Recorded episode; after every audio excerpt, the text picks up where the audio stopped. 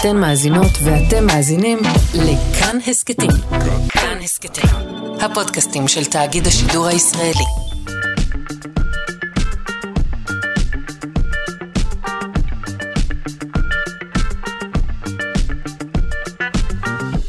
שלושה שיודעים.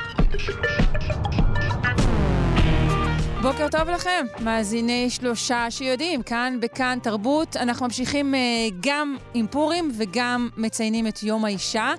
Uh, את השעה השנייה uh, נקדיש למי שנתפסת כהמן של ימינו, אנו, הלוא היא איראן.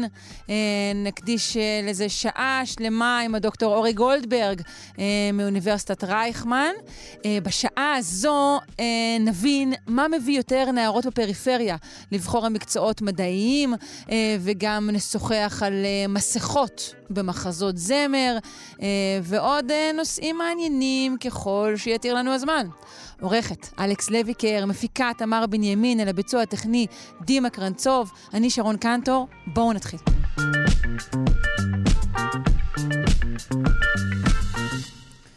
לא רק פורים, אלא גם יום האישה מצוין כאן בשלושה שיודעים, ואני רוצה לפנות לאיתי נבו, עורך ראשי של אתר מכון דוידסון לחינוך מדעי וכתב לענייני חלל. היי. היי, בוקר טוב, יום האישה שמח. תודה רבה, גם לך. תודה, תודה, אני חוגג. משתדל לעשות את יום האישה כל יום. נהדר. אנחנו רוצים, רוצים ורוצות, צריך להגיד ביום זה במיוחד, לדבר על, על אחוז הזוכות בפרסי נובל במדעים. יש שיפור בעניין הזה, נכון? יש שיפור, אבל עדיין יש הרבה מקום לשיפור. אתה יודע מה? בוא נעצור שנייה, כי אנחנו אומרים שיפור, אבל אולי זאת בכלל לא מילה שאנחנו אמורים להשתמש בה, כי המילה הזאת היא טעונה הרי אה, כבר ב, ב, בעמדה. ואולי יש שיגידו שמה זה בכלל אה, משנה, לא? אה, אולי יש כאלה, אני לא מסכים איתם. זאת אומרת, אה, תראי, ברגע שיש לך אה, מצב שאנשים הם פלוס מינוס 50 אחוז מהאוכלוסייה, אבל במקומות מסוימים אין להם ייצוג, לא משנה אם זה בית נבחרים, או מפעל ייצור, או מוסד אקדמי, או פרסים יוקרתיים שמדינות וגופים מעניקים. אז היית מצפה לראות את אותו ייצוג פחות או יותר גם במקומות האלה. וכשיש איזושהי סטייה מאוד בולטת מהייצוג השוויוני הזה, אז זה מצביע על איזושהי אה, בעיה או הטיה. ובמקרה הזה אני חושב שזאת אה, כן בעיה, וצריכים אה, לפתור אותה. אוקיי, אז בואו קודם כל נדבר על, ה- על הנתונים. אה, כן, אז אה, את רוצה לנסות לנחש את המספרים? כמה נשים זכו בפרסי נובל? כמה בכלל? וואו, אה, לא, אני, אני, אני, אני, מדי פעם, בשנים האחרונות, אני רואה שיש ככה, נגיד, יש, יש, יש כמה נשים. נגיד, מתוך, הייתי אומרת, שמונת זוכים במדעים, יש תמיד שתיים, שלוש, לא? הלוואי.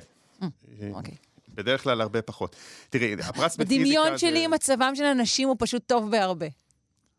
תראה, בשנים האחרונות הוא משתפר, זה נכון, שוב, אנחנו חוזרים למילה הזאת. יש לי זיכרון קצר. בפיזיקה למשל, בסך הכל 221 בני אדם זכו בפרסי נובל מאז שהתחילו להעניק אותם ב-1901, מתוכם ארבע נשים. אוי. כן. טוב, בסדר, אבל ברור שבכל עשרות השנים הראשונות נשים עדיין אה, סבלו מ... אתה יודע, מדיכוי בגוונים שונים. דווקא פיזיקה זה דוגמה מעניינת, כי כבר בשנה השלישית שהעניקו את הפרס, 1903, קיבלה אותו אישה, מארי קירי, יחד עם בעלה, פייר, שהוא דרך אגב זה שהתעקש שהפרס יוענק גם לה, היא זאת שדחפה את העבודה שהם עשו על גילוי יסודות רדיואקטיביים. אבל ממארי קירי עד האישה השנייה שזכתה בפרס נובל בפיזיקה, עברו 60 שנה. אה, שלא היו שם מספיק בעלים שאמרו, היי, היי. כנראה, אגב, גם היא הייתה אשתו של פיזיקאי, אבל היא עבדה בנפרד וקיבלה את הפרס בלי קשר לעבודה שלו. והכותרת בעיתון בסן פרנסיסקו, כשהיא קיבלה את הפרס, הייתה, אימא מסן פרנסיסקו מקבלת פרס נובל במדעים. אימא. כן, זה ה title העיקרי שלה. ועד שזכתה אישה שלישית בפרס נובל, שוב עברו כמעט 60 שנה בפיזיקה, רק ב-2018 עשתה את זה דונה סטריקלנד, ואחר כך, שנתיים אחר כך זכתה האישה הרביעית. ובתחומים האחרים המצב לא הרבה יותר טוב. בכימיה אה, יש שמונה נשים שזכו בפרס נובל, בערך ארבעה אחוז ממקבלי הפרס הן נשים. ברפואה, 12 נשים, כחמישה אחוז ממקבלי הפרס. וגם בתחומים הלא מדעיים המצב טיפה יותר טוב, אבל לא, לא הרבה. אבל עצם זה שהוא יותר טוב, מה, מה זה מספר לנו? תראה, חשוב להדגיש נקודה מסוימת, ומאוד חשוב לי אפילו לציין אותה. אני לא תומך באפליה מתקנת. כלומר, אני לא אומר לתת פרסים לנשים שלא ראויות לכך רק בגלל שהן נשים.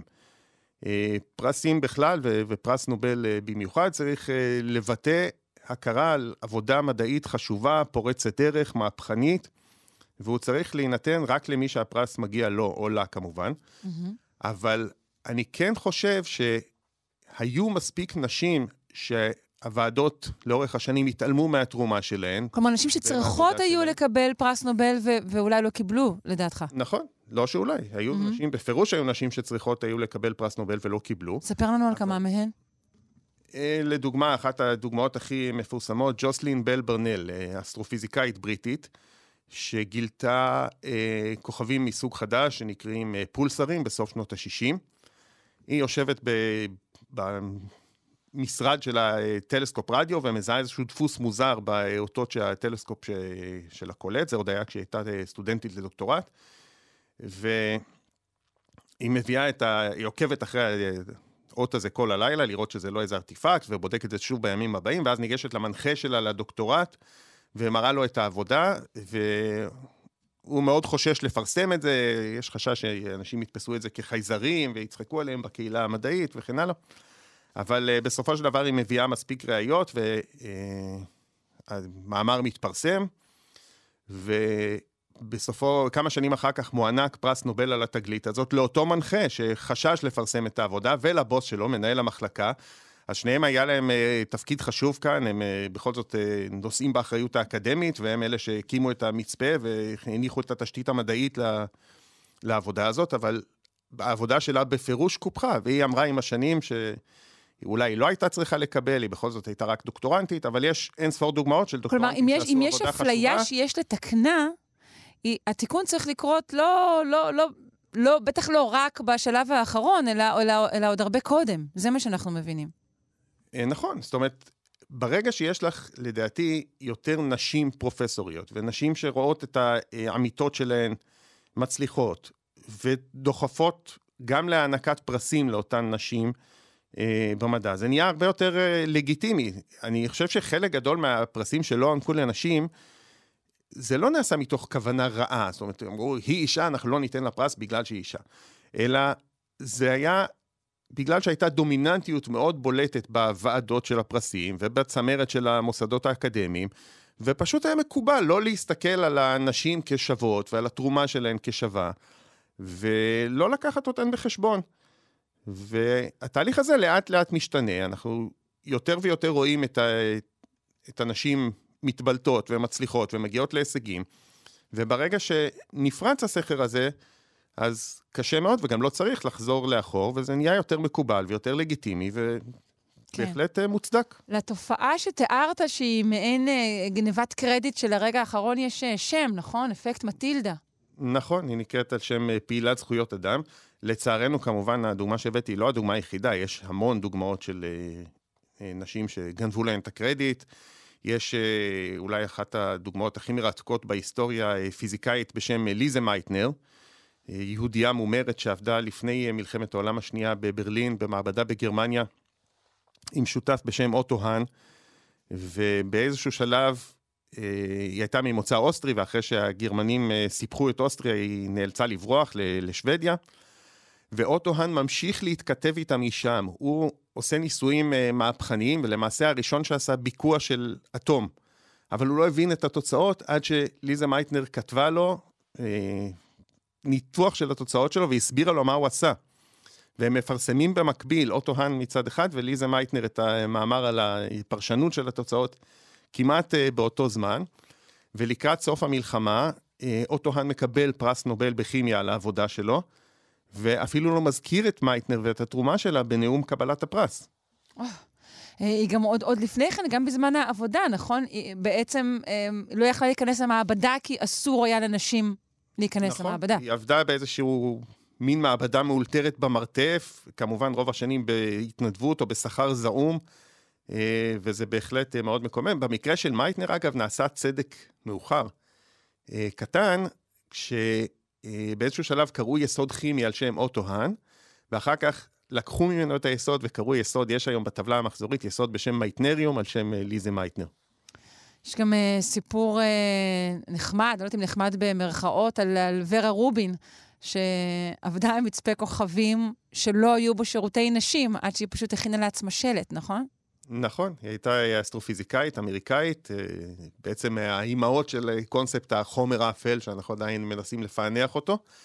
וכן, כמו שאמרתי, היא מאוד התעצבנה על זה שבמצפים האלה, יודעת, מקומות נידחים, והרבה פעמים צריך למקם אותם במקומות שיש חושך בלילה ומרוחקים ממקומות יישוב. וכן, לכי תסתדרי, בלי שירותי גברים, בלי שירותי נשים. פשוט כי אף אחד לא חשב שצריך שיהיו שירותי נשים, כי לא היו הרבה נשים באסטרונומיה. כן, כי לא היה צריך למשך הרבה מאוד זמן. כן, אבל היא הייתה צריכה, מילולית ופיזית, ואז היא פשוט הדביקה שלט על אחת הדלתות, קבעה עובדה בשטח, ומאז יש שירותי נשים בכל מצפה הכוכבים. אז נקווה שאפקט מטילדה ילך ויפחת. וגם בשיחה הבאה רק נגיד, כי כן ציינו את, ה, את, ה, את הפער המסוים אה, לרעת המדעים אה, ב, ב, בחלוקה של פרסי הנובל, אז אה, אנחנו תכף אה, אה, נשמע אה, על ההתפלגות. של אה, נשים בבחירת uh, המקצועות, עוד בבית הספר. אבל נודה לך בשלב זה, איתי נבו, עורך הראשי של אתר מכון דוידסון לחינוך מדעי, וכתב לענייני חלל. תודה, יום טוב, חגים טובים. תודה, חגים טובים, ויום האישה שמח, והרבה שוויון לכולנו. יא, yeah. ביי. להתראות.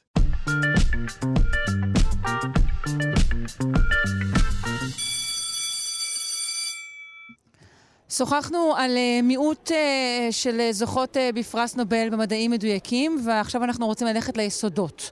למשל, ידעתם שנערות משכבות חלשות ונערות מהמגזר הערבי בוחרות ללמוד מתמטיקה ופיזיקה ברמות מוגברות יותר בהשוואה לנערות משכבות מבוססות. אנחנו רוצים לשאול כיצד שאלות של אה, מרכז מול פריפריה, ש, אה, ושאלות אה, מעמדיות ושאלות מגדריות משפיעות על הבחירות הלימודיות של נערות. נפנה לפרופסור רונית קרק מהמחלקה לפסיכולוגיה ומייסדת מסלול מגדר בשטח באוניברסיטת בר אילן. שלום. שלום. אה, אז יש לנו פה הרבה מאוד אה, נתונים אה, לשוחח עליהם וגם לנתח אותם. נתחיל באמירה שבחרתי לצטט. האם אכן כך, נערות משכבות חלשות ונערות מהמגזר הערבי בוחרות ללמוד יותר מדעים מדויקים מאשר נערות מהמרכז או נערות מבוססות? תראי, זה גם, קודם כל זה בהשוואה בנים באותן אה, אוכלוסיות, זאת אומרת, זה לא בהשוואה באופן כללי. זה לא מוחלט. בנות, mm-hmm, okay. כן, זה לא בנות okay. כן. במרכז לעומת בנות בפריפריה, okay. כי כן. גם הרבה פעמים בפריפריה לא מציעים את אותם סוגי מגמות, כן. ואת אותה הגברה וכו'. בהחלט, נכון. אה, אפליית שאני... פריפריה כן, בישראל היא דבר כן. עמוק מאוד, אה, נכון. שלא משתנה, אפילו משתנה נכון. לרעה, אפשר להגיד. מה שכן רואים, גם בנתונים כמותניים והרבה יותר גם בשיחות איתן, זה שקודם כל יש הרבה יותר תמיכה ללימוד שלהם את המקצועות האלה, כאילו לכאורה בצורה פרדוקסלית, כי אולי היינו מצפים מחברות מסורתיות שנראה את הפוך, וגם כשהן כבר בוחרות ללמוד את זה, אז הרבה פעמים הן מגיעות להישגים גבוהים יותר מהבנים.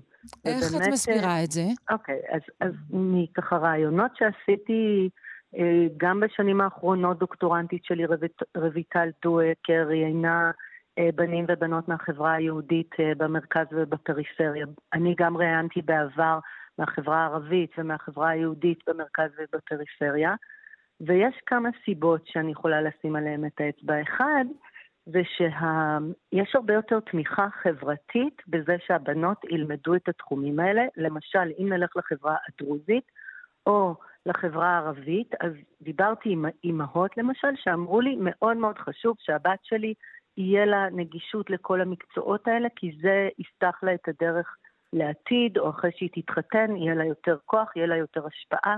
שמעתי ממורים במגזר הזה, שאומרים שהם בחברה, בקבוצות החברתיות האלה, שאומרים שהם מצפים מהבנות להישגים יותר גבוהים, כי הבנים עסוקים בדברים אחרים, או כי אם הבנים לא יצליחו בתיכון וירצו ללמוד אחר כך רפואה או כל תחום אחר, הם יוכלו ללכת לחו"ל. אבל זה באמת או... מפתיע אותנו, כי ציפינו מחברות מסורתיות שירצו אולי שנשים אה, תישארנה יותר בבית. אנחנו רואים שזה לא נכון. נכון, אני חושבת שבסופו של דבר מה שקצת מאכזב, למרות שזה גם עכשיו במגמת שינוי עם מהלכים של ההייטק, זה שהרבה מהנערות האלה שגומרות חמש פיזיקה, חמש מתמטיקה, חמש אנגלית, בעצם בעבר הלכו להיות מורות בסופו של התהליך, אבל עדיין זה היה להם הון בתוך הבית, לטפח את הילדים, זה היה נחשב מאוד חיובי. Mm-hmm. בעוד שבחברה היהודית שמעתי גם מבנים, גם מבנות, גם ממורים, הם אומרים, טוב, בת שהיא בתחומים האלה, אפילו אמירות מאוד סטריאוטיפיות כמו לא בטוח ירצו להתחתן איתה, או הבנים לא יאהבו אותה, או... זה דווקא היה מפתיע לשמוע שבמרכז היה הרבה יותר תפיסה סטריאוטיפית כלפי בנות שלומדות את המקצועות האלה. זה כיוון אחד. הכיוון השני, שעולה מאוד מאוד חזק, זה ה... לשם מה הן לומדות את הדברים האלה. ושאנחנו אה, מראיינות בנים ובנות בפריפריה, לעומת המרכז, אז הבנים והבנות בפריפריה מדברים על זה שחשוב להם ללמוד מקצועות טכנולוגיים ומקצועות אה, פיזיקליים והנדסיים, כי חשוב להם שהם יוכלו אה, להשתכר בעתיד שכר גבוה יותר, לא לעבוד באותם אה, עבודות כפיים שההורים שלהם עובדים, לא לגור בפריפריה, אלא להיות, מה שאנחנו קראנו, אה, יותר מוטיבציות אינסטרומנטליות. כשאנחנו מדברים כלומר, עם בנות... כלומר, המקצועות האלו נתפסים כ- כמפתח לשינוי. ממש, של ניוד חברתי, של שינוי מעמדי, של שינוי uh, כלכלי. אבל כשאנחנו מדברות עם נערות במרכז, כמו למשל גם הבת שלי שנשרה מלימודי uh, מחשבים בתיכון, uh, אז הן אומרות, לא, לא בא לי, זה לא מעניין אותי. וכשאנחנו מדברות עם אלה שלומדות את זה במרכז, הן אומרות, אני לומדת פיזיקה כי זה מעניין אותי. כי זה משמעותי לי, זאת אומרת, הן אוקיי, לא מביאות זהו, פה זה נשמע, בכלל בכיוון החיובי. זה נשמע יותר הגיוני. זאת אומרת, אנחנו מדברים פה בעצם על איזושהי אה, אה, זכות, אפשר לומר את המילה אפילו פריבילגיה, אה. גדולה מאוד של המרכז, והיא הזכות למימוש עצמי. שגוברת נכון. על, על, על, על, על מחשבות כמו מה יהיה איתי, איך, איך לא יהיה כמו הוריי ודברים נכון. כאלה. מימוש עצמי. נכ- את לגמרי מבינה את הנקודה, ואני גם חושבת שזה מתחדד, כי הבנים במרכז, הם מביאים קול כפול. גם קול אינסטרומנטלי וגם קול של מימוש עצמי. זאת אומרת, הם גם חושבים שהם אה, יצטרכו לפרנס, או יצטרכו לשמור על הסטטוס שלהם וללכת ל...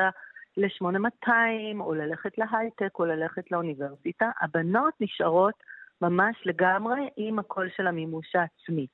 זאת אומרת, הבנים במרכז מביאים את שני הקולות, ואני חושבת שבאיזשהו מובן, המסר הפריבילגי הזה בעצם נותן לבנות פריבילגיה, אבל פוגע בהם. כי בעצם נגיד ברגע שבה את אומרת, זה לא מעניין אותי, אז אומרים לה, בסדר, אז אל תלמדי את זה. אוקיי, אם זה לא מעניין אותך, זה לא כזה חשוב, את כבר תסתדרי. אבל אם בן אומר, זה לא מעניין אותי, אז ישר צורת השיקולים והחשיבה של החברה והחשיבה שגם הבנים הפנימו, זה אוקיי, מה יהיה עם העתיד שלך, גם אם הוא במרכז וגם אם הוא פריפריה. אז איכשהו באופן פרדוקסלי, דווקא הנערות בפריפריה הן הרבה יותר דומות לנערים בשיקולים שלהם ובהבנה של הצרכים העתידיים שלהם, בעוד שהפריבילגיה של הבנות במרכז בעצם אה, פועלת נגדן. כן. אה, במעין אה, סוג של ספירלת פינוק אה, אולי שכזו. שוב, השאלה היא, כמובן, לאורך השנים, ואולי עוד מוקדם לומר, האם הפער הזה ייסגר? ובאמת, עד, עד כמה שהדחף של, של הפריפריה, שוב, בנות ובנים, ללמוד מקצועות כאלו כדי להתקדם, עד כמה זה באמת יקדם אותם, או שהמרכז תמיד ירוץ הלאה כמה צעדים קדימה. כן. תראי, אני עובדת עם הרבה תוכניות לנערים ונערות, וגם עם הרבה חברות הייטק שמנסות אה, לקדם את הנושא הזה של אה, תעסוקת נשים אה, ותעסוקה שווה של נשים וגברים, וקידום של נשים שכבר עובדות בתחומים האלה. אני חושבת שהפער הזה הוא, שבהחלט אני אופטימית שיש אפשרות שיש פה שינוי. אבל זה משהו שצריך לעבוד בו. זאת אומרת, גם הנערות שבוחרות ללמוד את התחומים האלה במרכז, או בת... הן מדברות על זה שאני מרגישה בודדה בכיתה, אנחנו שלוש בנות בכיתה טכנולוגית מתוך עשרים בנים, אני לא מדברת עם הבנים בכיתה, או הבנים יצחקו עליי אם אני אתן תשובה לא נכונה. אנחנו גם רואות בהייטק, שנשים מדברות על זה שהן מיעוט בהרבה מאוד מהארגונים, ואז הנערות הצעירות לא רואות מודלים לחיקוי, כי בעצם אין הרבה נשים שהיום משתלבות בתפקידים מאוד בכירים בתחומים האלה. כן. ואני בהחלט רואה שארגונים ומקומות ששמים על זה את הדגש, וחושבים על זה, וחושבים איך לייצר סביבה יותר בטוחה לנערות, ללימוד התחומים האלה, איך לתמוך בהם. למשל, תראי את המתמטיקה 5. בעבר מעט בנות למדו מתמטיקה 5, והיו מקבלות בארבע, עשר. ובשנים האחרונות אנחנו רואים שהמספר של לפחות 45 אחוז, אולי כבר יותר, מלומדי החמש אם אה, בנות שהן מצליחות היטב. זאת אומרת שהתפיסה של האם בנות יכולות להצליח במתמטיקה בתיכון, ועד כמה נעים להן ללמוד מתמטיקה בתיכון, בעצם השתנתה. אז אני בהחלט חושבת שזה גם יכול לעבור לתחומים של רובוטיקה ופיזיקה וטכנולוגיה והנדסה, כי כמו שהיו סטריאוטיפים על מתמטיקה, יש היום סטריאוטיפים על פיזיקה. כן, אז... אה, נזכיר שוב שכדי לנער את הסטריאוטיפים, באמת, כמו שאמרת, צריך תוכניות מיוחדות, אה, ונזכיר שבכל הפריפריה בישראל, כולה, אין אה, אף כיתת מכוננים אחת. כן. אה, יש אמנם מרכזים שונים, אבל אין כיתות. את זה יש רק בתל אביב ובעוד כן. אה, כמה ערים אה, בשרון, ואולי בירושלים. אבל זהו, כלומר, מגיל צעיר יש אפליה מאוד מאוד ברורה של כל הפריפריה בישראל מבחינה חינוכית. כן, אני גם חושבת שצריך מורים עם תודה על העניין הזה, צריך גם מורים שהם יכולים להיות, ומורות שהם מודלים לחיקוי לתחומים האלה עבור נכון. התלמידים והתלמידות. ואני רוצה לאחל שיהיה לנו גם פרס נובל בישראל. מנשים שמגיעות מהפריפריה החברתית ולא רק מהמרכז החברתי. אינשאללה. אה, פרופסור רונית קרק, המחלקה לפסיכולוגיה ומייסדת מסלול מגדר בשטח באוניברסיטת בר אילן. תודה רבה לך על השיחה החשובה הזו. תודה להתראות. רבה. ביי.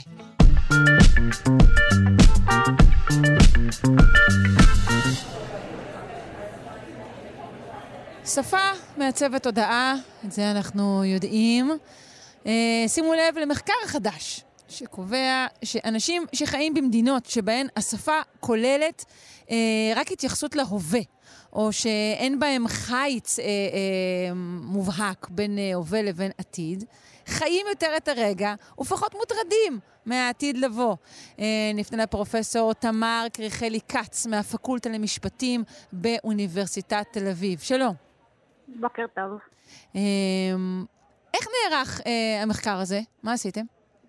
אז מה שעשינו זה ניסינו באמת אה, לשאול את השאלה האם אנשים שמדברים שפות שונות חווים באופן אחר את העתיד, ובגלל ששפות אה, נמצאות בתוך תרבויות, ניסינו להתגבר על העניין הזה באמצעות זה שלקחנו אנשים שהשתתפו בניסוי שלנו, שמדברים שתי שפות. אז אולי אני אלך צעד אחד אחורה ואני אספר שמסתבר ששפות נבדלות באופן שבו הן מתייחסות לזמן, ויש שפות שבהן אני חייבת לדבר על ההווה ועל העתיד באופן נפרד, למשל כמו עברית או אנגלית. ויש שפות שבהן אני יכולה לדבר על האנגלית ועל העברית אותו דבר, למשל גרמנית. אז לקחנו... על, על, על, על ההווה ועל העתיד אותו דבר. נכון, אמרתי עבר. כן. אה, אוקיי. עברית ואנגלית. אה, אה, אוקיי, אז בגרמנית... למשל גרמנית. למשל גרמנית. אוקיי.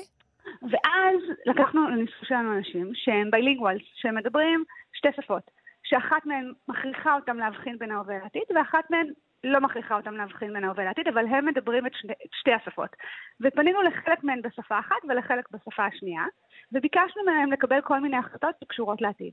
אז יש לנו הרבה מאוד אנשים אה, שמדברים צמדים שונים של שפות, למשל אנגלית וגרמנית כצמד, ספרדית והולנדית כצמד, ופנינו אליהם או ככה או ככה, בגדול אלה אותם אנשים, ושאלנו אותם כל מיני שאלות, למשל, האם הם ירצו לקבל תשלום היום, או תשלום טיפה יותר גבוה בשבוע הבא, ולראות כמה כסף הם צריכים שנשלם להם יותר כדי להסכים לחכות שבוע, או ששאלנו אותם, אה, מתוך שתי משימות שהם חייבים לבצע, האם הם ירצו להחליט עם, להתחיל עם המשימה שהיא יותר אה, מייאשת או יותר כיפית. ואז בדקנו את השאלה האם כשפונים אליי בשפה, בשפה שמפרידה בין ההווה לבין העתיד, אני אעדיף יותר להתחיל בשפה, במשימה הכיפית בהשוואה לשפה השנייה. Mm-hmm. ומה מצאתם? ומה מצאנו? מצאנו שיש הבדל באופן שבו אנשים אה, אה, מקבלים החלטות לגבי העתיד, גם לעניין התשלום וגם לעניין אה, מה הם רוצים לעשות קודם. אה, לפי הש... בהתאם לשאלה באיזה שפה פנינו להם. כשפנינו לאנשים בשפות שמפרידות בין ההווה לבין העתיד, הם היו אה, צריכים יותר כסף כדי אה, להסכים לעבור לשבוע הבא, והם גם העדיפו להתחיל עם המשימה הכיפת. כשפנינו אליהם בשפות שמערבבות בין ההווה לעתיד, שלא מכריחות אותם לחשוב בנפרד על ההווה ולעתיד, הם עברו יותר מהר לשבוע הבא, זאת אומרת, היו צריכים פחות כסף, וגם היו מוכנים יותר להתחיל עם המשימה היותר מייאשת. זאת אומרת, אותם אנשים מדברים את שתי השפות, חיים בתרבויות שהן פחות או יותר אה, דומות. ההבדל היחיד הוא שפנינו לחלק בשפה אחת ולחלק בשפה אחרת. אותה אני, פשוט פעם פונים אליי ככה ופעם פונים אליי אחרת. ההחלטות שאני אקבל לגבי העתיד תהיינה שונות. וואו. כמה נבדקים, כמה נבדקים היו? בסך הכל שלושה ניסויים, בערך 1,500 אנשים. אבל הם כמובן... לא, זה די הרבה, אוקיי, זה יותר ממה כן. שחשבתי. כן. התוצאות הן מובהקות? הן בוודאי מובהקות, כן, אחרת לא היינו מדווחות עליהן, כן. וואו. אה, תשמעי, זה בומבה. אני זוכרת שקראתי בשעתו אה, כתבה על איזושהי שפה אה, ילידית, שאין בה זמנים בכלל, שיש בה כאילו רק זמן אחד. אני מנסה לחשוב איך, אה, איך זה משפיע. יכול, יכול להיות שאת מתייחסת ל... ל, ל בהיסטוריה של האופן שבו אנחנו מבינים שפות, באמת היו הרבה מאוד uh, פעמים שהתעוררו שאלות כאלה. האם השפה משפיעה על איך שאני חושבת, מעצבת את איך שאני חושבת, האם אני יכולה לחשוב מחוץ לשפה, האם בכלל יש לי יכולת לתפוס משהו שהשפה שלי לא יודעת להגיד, או משהו כזה. Mm-hmm. ובתקופה בתקופה שהשאלות האלה היו מאוד סוערות, באמת היו כל מיני מחקרים אנתרופולוגיים בכל מיני שבטים שניסו לבדוק מה קורה בשבטים אחרים, מה קורה אם בשפה אין מילים שיש בשפות אחרות וכולי וכולי וכולי. Okay. כן. חלק מהמחקרים אה, באמת התייחסו לשאלה של הזמן, אז את צודקת לגמרי בזיכרון שלך. אה, התשובה היא שכנראה ברוב השפות יש איזושהי התייחסות לזמן. זאת אומרת שאין אף שפה, ממה שאני אה, מכירה, אני, המחקרים האלה כן מראים שיש התייחסות לזמנים בכל, בכל השפות, ברוב השפות, אני לא רוצה להגיד בכולן כי אני לא מכירה את כולן, אבל אני כן אגיד שזה נראה מהמחקרים שמתגבשים היום, ששפה כן מעצבת את האופן שבו אני חושבת. זה לא, אני, אני לא יודעת להגיד מה קורה כן. בהיעדר שפה, אני רק יודעת להגיד שהיא עושה איזשהו פריים לאופן שבו אני מבינה את העולם. אבל האופן שבו האנשים שיש עתיד מופרד אה, בשפתם אה, תפסו את העתיד הוא באמת אולי כאיזשהו מקור של דאגה. והשאלה אם זה הכרח המציאות. אה, אני אגיד את זה במילים אחרות, כשהשפה מכריחה אותי כל הזמן להבחין בין ההווה לבין העתיד, אני חושבת על העתיד כמופרד. אוקיי? אני מבינה אה, חזק... אבל למה הוא לא מופרד והוא כזה מין כולו קסום ומלא במפלים אה, ודובוני אכפת לי? נכון. למה הוא מופרד ויש בו דאגה כלכלית? זאת השאלה שלי. אגב, לא רק דאגה כלכלית, אלא המחשבה לגבי ההווה והעתיד. אנחנו לא בדקנו דאגות. בדקנו את השאלה איך אני חושבת על ההווה בהשוואה לעתיד. האם אני מבחינה בין ההווה לבין העתיד. אה, יכול להיות שאני מאושרת ושמחה בשתי השפות. אה, ואני אתן לך עוד דוגמה שהיא קשורה אבל היא אחרת, ששפות כמובן נבדלות לא רק באיך שהן חושבות על זמן, אלא למשל אה, שפות נבחנות באיך שהן מתייחסות למגדר. האם השפה היא ממוגדרת או לא ממוגדרת. כן. אז שאלה מעניינת וקשורה. עברית ואנגלית למשל, למשל שונות מאוד זו מזו. האם כשהעברית מכריחה אותי לחשוב כל הזמן במונחי זכר ונקבה, גם כשאני חושבת על השולחן, או על הכיסא, או על הקומקום, מה הדבר הזה עושה על האופן שבו אנחנו תופסים מגדר? האם הוא גורם למגדר להיות יותר או פחות נוכח באינטראקציות שלנו? כן, מה, מה הוא עושה לאופן שבו אנחנו תופסים שולחן? בדיוק. גם שולחן וגם מגדר, נכון. כן. נכון. אה, אה, תגידי, בעצם ניתן לקחת את המסקנות אה, שלכם ולבדוק אותם עכשיו באופן כללי תרבותית, כן להשוות בין, בין אז מדינות אז שלמות? אז אני אגיד בעצם, בעצם, אנחנו מתחילות את המחקר שלנו, אנחנו נשענות על מחקר אחר שהוא יותר שפתי תרבותי, הוא משווה בין אנשים בתוך מדינות, להבדיל מבין, מה שאנחנו עשינו זה לקחנו אנשים אה, שדוברים שתי שפות ותפעלנו אצלם שפה אחת בהשוואה לשנייה. מחקר קודם שנעשה על ידי חוקר שנקרא קיצ'ן, פשוט הסתכל על על ממוצעים, על הבדלים בין אנשים שחיים במדינות שונות. כן. למשל, האם בממוצע אנשים שחיים בגרמניה חוסכים אה, יותר או פחות בהשוואה לאנשים שחיים באנגליה. בדיוק. אוקיי? מה משהו המצב? כזה. אז, אז הוא מצא שכן, זאת אומרת, הוא מצא ממוצעים שהולכים בדיוק בכיוונים שאנחנו מצאנו. ואז כנגדו אמרו, זה נהדר ויפה, אבל זה בעצם רק אה, מתאם. אנחנו לא יודעים שזה בגלל השפה. יכול להיות שגם השפה וגם התרבות הן בקורלציה, ושזה בכלל לא קשור, הממצאים שאתה מוצא הם לא קשורים לשפה, הם קשורים לתרבות. ואז מגיע המחקר שלכם נכון, בדיוק ככה. ומאשש את מה שהוא אמר. אז עדיין נותרת השאלה מה קורה כשאדם שיש לו אה, שפת אם מסוימת עובר לגור במקום שמתנהל בשפה אחרת. זו שאלה מצוינת. תחשבי שאגב, אצלנו במחקר, כל האנשים הם bilinguals. bilinguals הם בדרך כלל אנשים ש... אה, התחילו עם שפה אחת, ואז אימצו שפה אחרת באיזשהו שלב. אז אלא אם גם כן קיבלו כזה חינוך טוב, הלכו ישר לגן דו-לשוני, ואימא ואבא, והקפידו נכון, איתם. נכון, נכון. אבל עדיין לרובם יש שפה אחת יותר חזקה ושפה אחת פחות חזקה. או שפה שבה הם מרגישים יותר אה, אה, בנוח ושפה שבה הם מרגישים פחות בנוח. אז התשובה היא שאני מדמיינת שגם וגם. זאת אומרת, נניח שאני דוברת אה, אנגלית וגרמנית, והשפה החזקה שלי היא אנגלית, אבל פונים אליי בגרמנית. אז אני מדמיינת שבאופן מסוים, עצם זה של, שאני בדרך כלל חושבת על העולם באנגלית ישפיע עליי, אבל עצם הפנייה בגרמנית תזיז אותי לכ... לכיוון מסוים בהשוואה לעצם הפנייה באנגלית. זאת אומרת שגם כן. יש השפעה ארוכת טווח וגם נקודתית. כן, יכול להיות שגם נוצר איזשהו פיצול כזה בין אה, תחושות ו- ותכנונים לבין איך שאנחנו מתנהלים בפועל. Uh, טוב, מחקר מרתק. אני מודה לך מאוד, פרופ' תמר קריכלי כץ מהפקולטה למשפטים באוניברסיטת תל אביב. להתראות. להתראות. ביי. אה,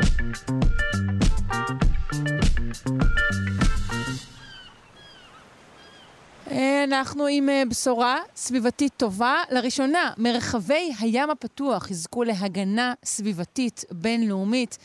נפנה לדוקטור אביעד שייני, מנהל תחום טורפי על בתחנת מוריס כאן לחקר הים, בית ספר למדעי הים על שם צ'רני באוניברסיטת חיפה, ומנהל מרכז הדולפין והים של עמותת דלפיס הפועלת להגנת יונקי ים. שלום. שלום, בוקר טוב. בוקר אור. אה, מה הם מרחבי הים הפתוח? מה שנמצא מחוץ למ- למים הטריטוריאליים של כל מדינה בעצם? שאלה מצוינת. זה מעבר למים האלה, כי מעבר למים הטריטוריאליים, מים הריבוניים של כל מדינה, אה, יש עוד את המים הכלכליים.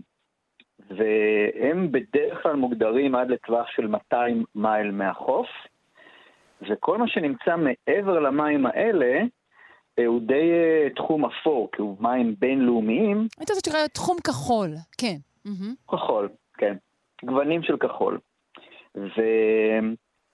ואם נדייק את הפתיח שלך, אז ב-1982 היה איזשהו הסכם שדן בנושא הזה באו"ם, אמ, אבל הוא היה מאוד אמורפי, ובערך רק אחוז אחד מתוך המים האלה הוגדר כ- כמוגנים באיזושהי קונסטלציה מסוימת. אה, ואת הדבר הזה באמת אה, שינו בהסכם שהוא די היסטורי, אה, לפחות הוא נותן את התשתית, וזה לאחר משהו כמו עשר שנות אה, משא ומתן. היה הרבה דיונים על, ה, על הדבר הזה, ומזה יצאה אמנת הים העמוק, או מה שנקרא באנגלית The High Seas Treaty, והמטרה בסוף של האמנה הזאת זה קודם כל להסדיר את האזורים האלה. האזורים אמ, האלה הם, הם משמשים בעיקר לנתיבי מסחר בעיקר? אז יש להם אה, כל מיני אה, דברים שהם מעוניינים לקבל מהם. אז אחד כמובן זה נתיבי שיט, אה, שזה די טריוויאלי, שהוא גם מייצר הפרעה מסוימת לסביבה. אה, יש את נושא הדייג בים העמוק, שהוא נושא מאוד קריטי, עליו הייתה עיקר המחלוקת אה, ולכן זה נמשך כל כך הרבה זמן. וגם יש את כל התשתיות, לא התשתיות, אלא כל המשאבים, משאבי הטבע שנמצאים בקרקעית הים. זאת אומרת, זה יכול להיות מינרלים, זה יכול להיות בעלי חיים מיוחדים שאנחנו אפילו לא יודעים אה, איזה חומרים מיוחדים יש בגוף שלהם. ו... וכל הדבר הזה בעצם לא קיבל הגנה כמו שצריך. והמטרה של האמנה הזאת זה לעשות סדר גם בניצול משאבי הים והקרקעית, לספק כלים משפטיים, כאילו ליצור, איזה, ליצור דרך לנהל את האזורים האלה במים בינלאומיים, כי זה סך הכל מאוד בעייתי. מי, מי אוכף, מי, מי אחראי, נכון. מי וכן אז, הלאה מי וכן הלאה. אז מי אחראי? שאלה מצוינת. הדבר, את הדבר הזה עוד לא נסגר במאה אחוז, לפי מה שאני מבין, באמנה הזאת, אבל יש עד, אה, בעצם הגדירו עד 2030 כדי uh, להגיע עם הפרטים, שחלק מהפרטים יהיה גם 30% מהאזורים האלה יהיו מוגנים uh, כשמורות טבע, כשמורות ימיות של הים העמוק. זאת אומרת, זה נקבע איזושהי תשתית לטובת הדבר הזה, ועכשיו uh, יצטרכו לראות באמת איך, uh, איך, איך מגיעים לדבר, לאמנה הזאת שתהיה אפקטיבית ויעילה, כדי לשמור על הטבע הזה שנמצא קצת רחוק מהעין, רחוק מהיבשה, ובאמת יותר קשה אה, לאכוף ולהגן עליו. טמון בו גם ידע גנטי רב, שאני מניחה שלמדינות העשירות, שהמחקר בהן אה, עשיר יותר, אה, יש להם יותר אינטרסים שם. נכון מאוד, תראי, בסוף אנחנו תמיד רוצים לגלות את הפניצילין הבא, או את, ה, את החומר הבא שיעשה איזשהו אפקט דרמטי במלחמה, בסרטן, או באיזשהו חומר שייתן באמת פריצת דרך לאנושות. ומכיוון שאנחנו יודעים פחות על, היה, על קרקעית הים העמוק מאשר על הירח, אה, אז המשאבים הגנטיים ובכלל שיש שם הם כנראה מאוד מאוד מיוחדים, אה, והפוטנציאל הוא אדיר, ובאמת אה, בהקשר הזה יש, יש דרך גדולה לעשות כדי לדעת מה יש שם ולהגן על, על כשליש מהדבר הזה. עד כמה משבר האקלים אה, היווה קטליזטור אה, בעניין הזה? אני חושב שמשבר האקלים הוא ככה מרחף מעל אה, כל אה, דבר שקשור לסביבה, ובהחלט זה נותן מוטיבציה למדינות מסוימות לחוקק חוקים ולקדם בהיבטים האלה. והים אה, ים בריא, ים אה, משגשג, הוא ים שהוא חשוב, אה, כ... לנו, דיברנו על זה באחת התוכניות הקודמות, על נושא של קיבוע פחמן ועוד הרבה מאוד דברים, וייצור חמצן, הרבה מאוד דברים שהאוקיינוס האדיר הזה נותן לנו, וכשהוא בריא ומתפקד, אז הוא כמובן יותר אפקטיבי בהיבטים האלה. לישראל עצמה, אין, אנחנו, אין לנו באמת נגיעה לעניין הזה? אני, אני טועה? נכון מאוד. ישראל, המים שלנו, כבר שאנחנו נמצאים במזרח הים התיכון הקטן, אה, אין לנו מים שהם מעבר ל-200 מייל, אבל גם אצלנו, המים שמעבר למים הריבוניים, הם עדיין לא הם, אה, הוגדרו בצורה מאוד טובה, וזה היעד הבא שלנו מבחינת ישראל, איך אנחנו מסדירים את המים הכלכליים הבלעדיים שלנו, כי גם שם אנחנו אמורים להכריז על 30 אחוז משטחיהם אה, כשמורות ימיות עד 2030, זה באמנה שחתמנו אה, במסגרת האמנה למינים נודדים והמגוון המינים, שהייתה במונטריאול ב-2022, ומה שמשמח הוא שבקווי היסוד של הממשלה החדשה כן הוכנס התייחסות למים הכלכליים, ובואו נקווה ש, שבאמת זה יקרה, כי זה, זה חשוב גם לנו להסדיר את מה שקורה אה, במים הקצת יותר עמוקים מעבר למדף היבשת ומה שקרוב אלינו. אז גם לנו יש כברת דרך עוד לעשות במים הכלכליים שלנו, שזה הים העמוק שלנו. דוקטור אביעד שיינין, מנהל תחום טורפי על בתחנת מוריס קאן, לחקר הים, בית ספר למדעי הים על שם צ'רני באוניברסיטת חיפה, ומנהל מרכז הדולפין והים של עמותת דלפיס, הפועלת להגנת יונקי ים. תודה רבה לך. תודה לך, שרון. ביי ביי.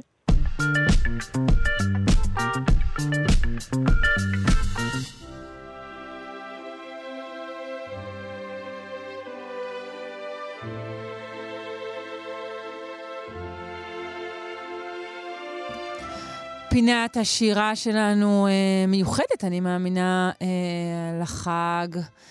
נגיד שלום לרונה ישראל קולט, מורה לפיתוח קול וחוקרת קוגניציה ווקאלית באוניברסיטה העברית. שלום. שלום. בטוחה שזה לא, כל הדברים האלה הם לא רק תחפושת, ובעצם אני... טוב, לא אגלה. Uh, כן, אז כן, פורים. אוקיי. אוקיי. אה, אני האמיתית אה, מתבטא עכשיו, אז נראה לי שבאמת פורים נמשך יותר זמן ככל שבאמת השנים עוברות, אבל יאללה, שיהיה כל השנה. לא, גם באמת מותחים אותו, זה לא רק... זה לא השנים שעוברות, זה אמיתי. כי המציאות כנראה לא, לא מספיק מבדרת.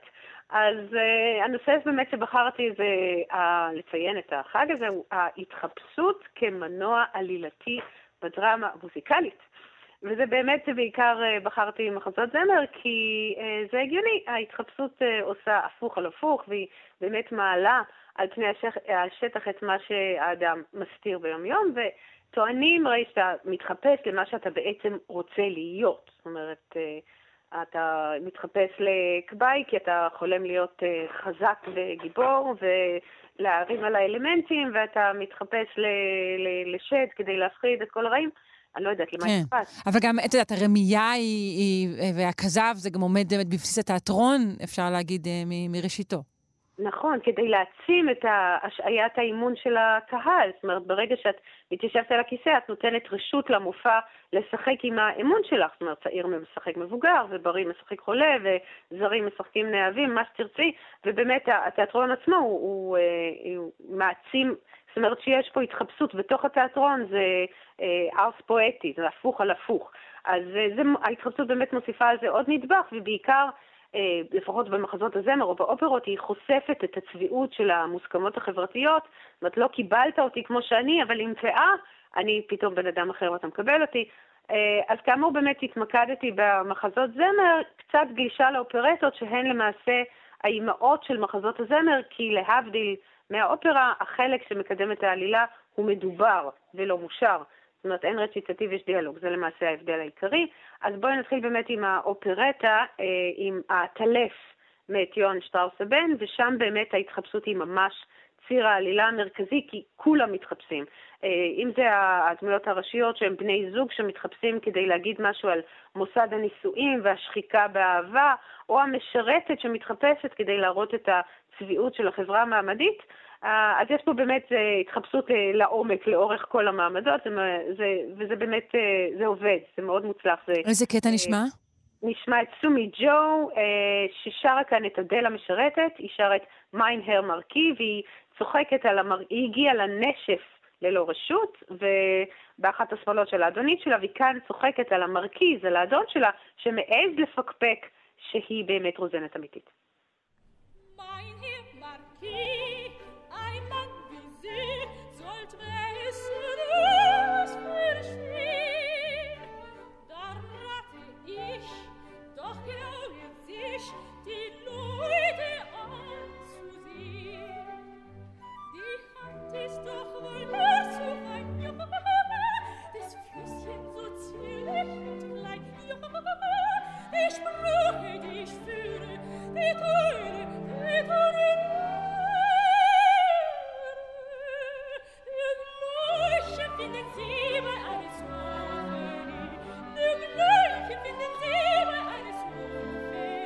איזה יופי. מה שיפה כאן, כן, מאוד, היא גיבשה את מוצלח. מה שיפה כאן שבאמת הצחוק הוא מולחן לתוך המוזיקה והיא שרה אותם בסטקטו. זאת אומרת, זה פרצי uh, צליל קצרים, זאת אומרת, ישר... שזו טכניקה שממש מדמה את האקט הפיזי של הצחוק, שיש לו גובה צליל, או גם אם את רוצה לחפש את זה, כמו שיעול, שאין לו uh, גובה צליל, אבל זה למעשה הטכניקה שמאפשרת uh, לשיר צחוק ב... ב... במוזיקה. אז למעשה הצאצא הישיר של האופרטה הזו זה אה, גברתי ענווה. ובאמת למי שלא זוכר, אז אלייזה דוליטל היא מהמעמד הנמוך, ה-lower class, והיא, שלא נדע, היא באמת עובדת למחייתה, ואז שני אדונים גברים לבנים פריבילגיים, הם מתערבים עליה וגם uh, בתוך החיים שלה, שתוך זמן קצוב, מר היגינס יוכל להציג אותה בחברה הגבוהה כאחת משלהם. זאת אומרת, האצילות היא נרכשת ולא מולדת, אז נשמע את הרגע שבו המהפך הזה מתרחש, ואלייזה מצליחה סוף סוף להגות את האנגלית במבטא ה-upper class, המפ... במבטא הנכון. Rain in Spain stays mainly in the plain. Again. The rain in Spain stays mainly in the plain. I think she's got it. I think she's got it.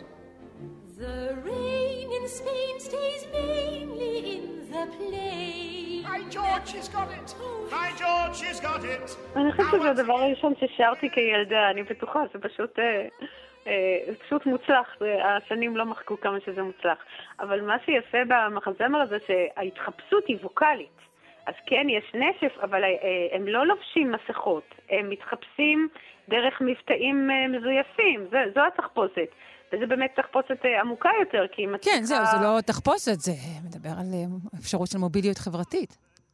נכון, אבל זו שאלה באמת יפה, אם, אם אתה או מלמד את עצמך מבטא מזויף, אם זה תחפושת כמו לשים על עצמך פאה או מסכה. זאת אומרת, אני חושבת שזו תחפושת אפילו עמוקה יותר, היא אפילו מלמדת עלייך יותר, כי את צריכה להתאמן ולתרגל את התחפושת, את לא רק יכולה להסיר אותה, זה משאיר אה, עקבות באני האמיתי אחרי שאת מסירה את זה. אבל באמת אה, זה יפה שהתחפושת היא כאן, היא באמת... אה, היא, בוא נגיד, יותר קשה לש... אה, האימון של הקהל, אתה מוריד את המסכה, אז אתה חוזר להיות אותו בן אדם, אבל כאן אולי באמת התחפושת חלחלה לתוך הדמות עצמה. זאת אומרת, זה הלב, ההתחפשות הווקאלית זה הלב של העלילה הזו. אז באמת אה, נעבור לסוויני טוד, ששם ההתחפשות היא לא המניע של כל העלילה, אה, או לפחות לא של עלילה קומית, אלא היא המניע של הטרגדיה. זאת אומרת, יש שם עוולות של החברה, ובסצנה שנשמע, נשמע את מיסיס לובט, שהיא הופעת הפשידות, היא מספרת לסוויני טוד על הגורל המר של אשתו, שנגררה לנשף המסכות והיא חוותה התעללות מהשופט, אה, כשכל המחופשים מסביב הם מריעים. מסביב.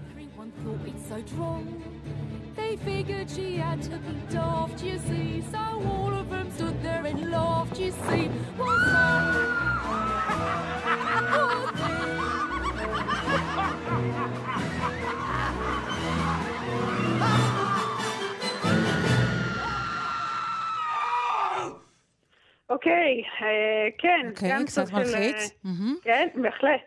אז זה מה שיפה, אני חושבת, זו הייתה באמת אלנה בונום קארטר, ומה שיפה זה שכאן באמת ההתחפשות היא המחסה של היצרים האפלים והשחיתות העמוקה, אבל מה שבאמת אולי עוד יותר מוצלח זה שסטיבן זונטיים, הוא אומר שגם אנחנו, גם הצופים, אנחנו שותפים לעוולות האלה, והתחפושת שלנו היא למעשה השתיקה. והחשיכה באולם. זאת אומרת, אנחנו מוחאים לזה כפיים, אבל אנחנו משתפים עם זה פעולה. אז כנראה זה מעלה על פני שטח שאת המטרה העיקרית של התחפושת, שזה להחביא או לעורר את היצרים. אה, וזה כנראה הסיבה שיש תחפושת של רופאה סקסית, או כבאית סקסית, או גולדה מאיר סקסית, או מה שלא תרצי, סקסית, ובאמת במחזמר Mean Girls, אז הם הופכים את כל התחפושות הסקסיות האלה לפרודיה. וזה נשמע מהגרסה המקורית את קייט רוקוול, שהיא אומרת שהלוואי והיה פורים או הלואוין כל יום, כדי שהיא תוכל דרך התחפושת להיראות כמו שהיא באמת רוצה להיראות.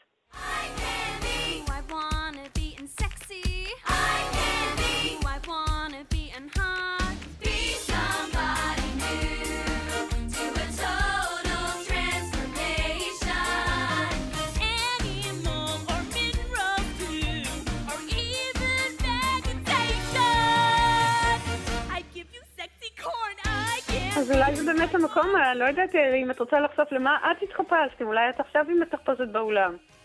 אוי, השנה אני מודה... לא, האמת שכן, קצת התחפשתי. התחפשתי בבית ספר של הבנו, התחפשתי למגלת עתידות, וחזיתי לכולנו עתיד אה, מצוין. אוקיי, אוקיי, אז אה, האמת היא שזה... לא יודעת מה זה אומר עלייך, אבל זה אחלה תחפושת, אני מקווה שבאמת אמרת רק את כל האמת ורק את האמת. אז למה, את התחפשת, רונה? זהו, עכשיו את נותנת לי רעיון. אה, עוד לא התחפשתי, אבל אני כמובן אתחפש למשהו שמראה את האני האמיתי שלי. תכף אה, אני אכתוב בפייסבוק מה זה יהיה. אז אני רוצה שנסיים עם ה-Rocky Horror Picture Show, שלא ברור בו אם התחפושת היא האמת של הדמויות או הנורמליות זה התחפושת האמיתית, אז פשוט נשמע את טים קארי שהוא דוקטור פרנקנשטיין, הוא אומר, אני רק sweet uh, transvestite, אני טרנסווסטית מתוק, והוא אומר למעשה, אל תשפטו אותי לפי איך שאני נראה, אולי אני לא נראה כל כך גברי, אבל דווקא זה מעורר את כל האנשים בקהל, אולי כן, אולי לא. אז הנה, ה Rocky Horror Picture Show, שיהיה לך שמח. זהויות inside out. רונה ישראל קולט, אה, מורה לפיתוח קול וחוקרת קוגניציה ווקאלית באוניברסיטה העברית, תודה רבה לך, חג שמח. חג שמח.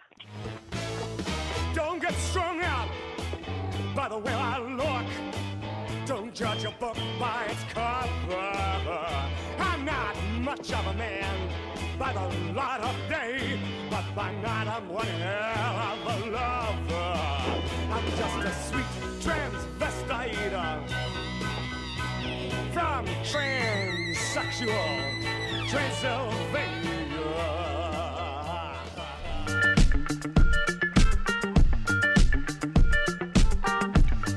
כאן השעה הראשונה שלנו, שלושה שיודעים, הישארו נא עמנו אה, לשעה השנייה. אה, אותה נקדיש אה, כולה לשיחה על איראן. האם אכן המן המודרני? אה, יהיה איתנו באולפן הדוקטור אורי גולדברג מבית ספר לאודר לממשל, דיפלומטיה ואסטרטגיה באוניברסיטת רייכמן. אה, נודה לעוסקים במלאכה בשעה זו, לעורכת אלכס לויקר, למפיקה תמר בנימין, למבצע הטכני דימה קרנצוב. אני שרון קנטור, מתראה איתכם מיד אחרי החדשות.